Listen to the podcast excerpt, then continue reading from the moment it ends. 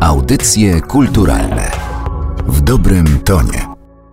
Dzień dobry, kłania się nisko Piotr Kania. Państwa i moim gościem jest Joanna Longić. Projekt Tęskno.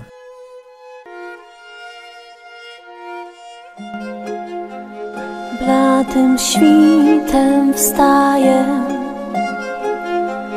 drzwi uchylam. Joanno, czytasz komentarze na YouTubie pod swoimi utworami? Coś tam czytam, nie ma ich aż tak wiele znowu, żeby nie nadążać, także na razie robię to i wydaje mi się, że raczej były pozytywne. Czy może nawiązujesz do czegoś, czego jeszcze nie widziałam dzisiaj z nocy, nagle jakiś e, innego rodzaju komentarz? Nie, nie. Pozwól tylko, że przytoczę kilka z nich. To jest absolutnie to, czego było mi brak. Tęskno mi do was, jak do tych, których nigdy się nawet nie spotkało. Twoja piosenka daje mi nostalgię do wspomnień, których nie mam. W Twoich tekstach wszechobecny jest temat braku, nieobecności. Skąd się to bierze? Ojej, nie myślałam tak o tym i też nikt mnie nie zapytał o to wcześniej. Wydaje mi się, że to jest takie ogólnie ludzkie poczucie, że nawet jeżeli wszystko jest w porządku i wszystko gra, no to mamy poczucie, że, że to, co jest tutaj i teraz, no że że zawsze jeszcze może być lepiej, że dążymy do tego, co jeszcze można by było pozyskać, czy to jakieś takie przyziemne, materialne sprawy, czy, czy bardziej duchowe, tak? Czy znaleźć tą ukochaną osobę, czy właśnie adoptować pieska i nagle się okazało, że ojej, jak mogłam żyć bez niego. E, no i chyba też dlatego żyjemy i dlatego chcemy dalej żyć i też tworzyć, ale właśnie e, tak jak czytałeś te komentarze i było, że Y, że któraś osoba pisała, że tęskni za wspomnieniami, których nawet nie ma. Y, to tak tutaj i, i zawsze też to powtarzam, że, że chodzi o taką tęsknotę i zwrócenie się do przyszłości, nie do przeszłości, tak? Czyli nie jakieś żałowanie, że ojej, kiedyś była ta wielka miłość, ale już niestety koniec, nigdy się nie przydarzy. Nieprawda, bo może się przydarzyć sto razy większa miłość i coś jeszcze piękniejszego, czego zupełnie się nie spodziewamy. I to mimo że tęsknota sama z siebie może się kojarzyć właśnie jakoś tak bardziej depresyjno, melancholijnie, to, to staram się jednak dużo nadziei w to włożyć i, i jakiegoś takiego światełka w tunelu, że, że zawsze może być lepiej. I będzie lepiej. Joanno, tęskno było duetem.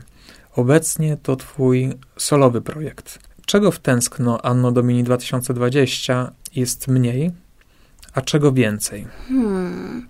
Na pewno więcej jest e, instrumentów w ogóle, chociaż może to nie jest jakaś ogromna liczba, e, ale oprócz kwintetu smyczkowego, fortepianu, syntezatorów e, też analogowych, które też były na pierwszej płycie i na drugiej ja na nich zagrałam, to też pojawia się harfa i flet. Y, które od dawna były moim marzeniem i myślę, że wspaniale tutaj pasują. I właśnie ten walc to jest takie trio, które swój, znaczy nie w tej wersji oczywiście, ale swój debiut jakby po raz pierwszy taka forma w formie sonaty została napisana w 1915 roku. Wiem, bo sprawdzałam. Y, no i, i potem wiele osób też to naśladowało. Napisał ją Debussy.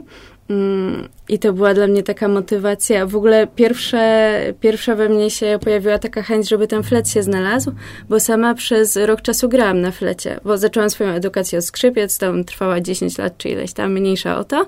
Potem się pojawił ten flet, y, bo był mi, y, tak to nazwijmy, przypisany przez Y, nauczycielkę od śpiewu właśnie, żeby dodatkowo pracować nad oddechem, y, także wszystko się zgadzało i tam poznałam podstawy tego fletu. Także bardzo mi się zamarzyło, żeby ten instrument jako pierwszy denty y, pojawił się w tęskno i też tak udało się zrobić. I gdzieś tam coś słuchałam, różnych inspiracji, no i właśnie ta sonata mi wjechała. I udało się szybko znaleźć świetną osobę, czyli Zuzię Federowicz, która zgodziła się zagrać na swojej harfie. Tam była cała przygoda z przewożeniem tej harfy. Ona wtedy miała akurat złamaną nogę, mieszka na drugim piętrze, także było dużo różnych przygód w związku z tym, ale wszystko się udało. E, I, I powstał właśnie ten utwór walc, który myślę, że, że najmocniej się odróżnia i jest na pewno tym, czego jest sporo więcej. Mm Myślę, że w wokali y, ilościowo jest tak samo dużo. Też jest jeden utwór, który jest tylko y, wokalnie potraktowany i i, i wszystko tym głosem swoim zrobiłam. I on właśnie, tam jest tekst, ale też jest dużo poziomów tego wokalu, które pełnią taką funkcję bardziej instrumentalną, więc to też jest ciekawe. Mówisz tutaj o utworze pod tytułem A Cappella. Wcześniej wspomniałaś o kompozycji Waltz, która jest drugim singlem. Pierwszym była piosenka Między nami. Między nami powiem ci, że mam dość już rozmów o problemach, bo A jeżeli chodzi o całość, które instrumenty grają pierwsze skrzypce? No właśnie, pierwsze skrzypce. Nie no, na pewno kwartet y, i to się wiąże po prostu z tym, że, że ja sama przez największą część swojego życia właśnie na tym instrumencie grałam, więc to brzmienie też jest mi najbliższe. Y, No więc tak jak to w kwartecie właśnie tam są dwie pary skrzypiec, jest altówka, wiolonczela. Jeszcze w paru utworach y, dochodzi kontrabas, nie we wszystkich. Czasami ma taką rolę y, mocnego nadawania rytmu i wtedy palcami mocno uderza.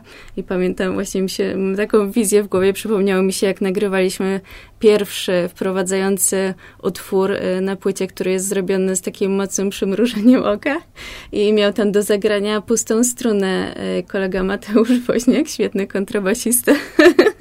I, I robił tak, że jedną ręką grał, a że drugiej nie musiał używać, y, żeby przyciskać struny. No to tak robił nią do góry, tak jak nie wiem, na jakimś koncercie nie tęskno, tylko techno bardziej, czy jakiejś podobnej muzyki. Y, Także jest dużo zabawy nawet przy nagrywaniu y, takiej Mhm. melancholijnej muzyki. Jaki jest twój świat? Muzyczny oczywiście. Można się dowiedzieć z nowej płyty, która już 17 kwietnia.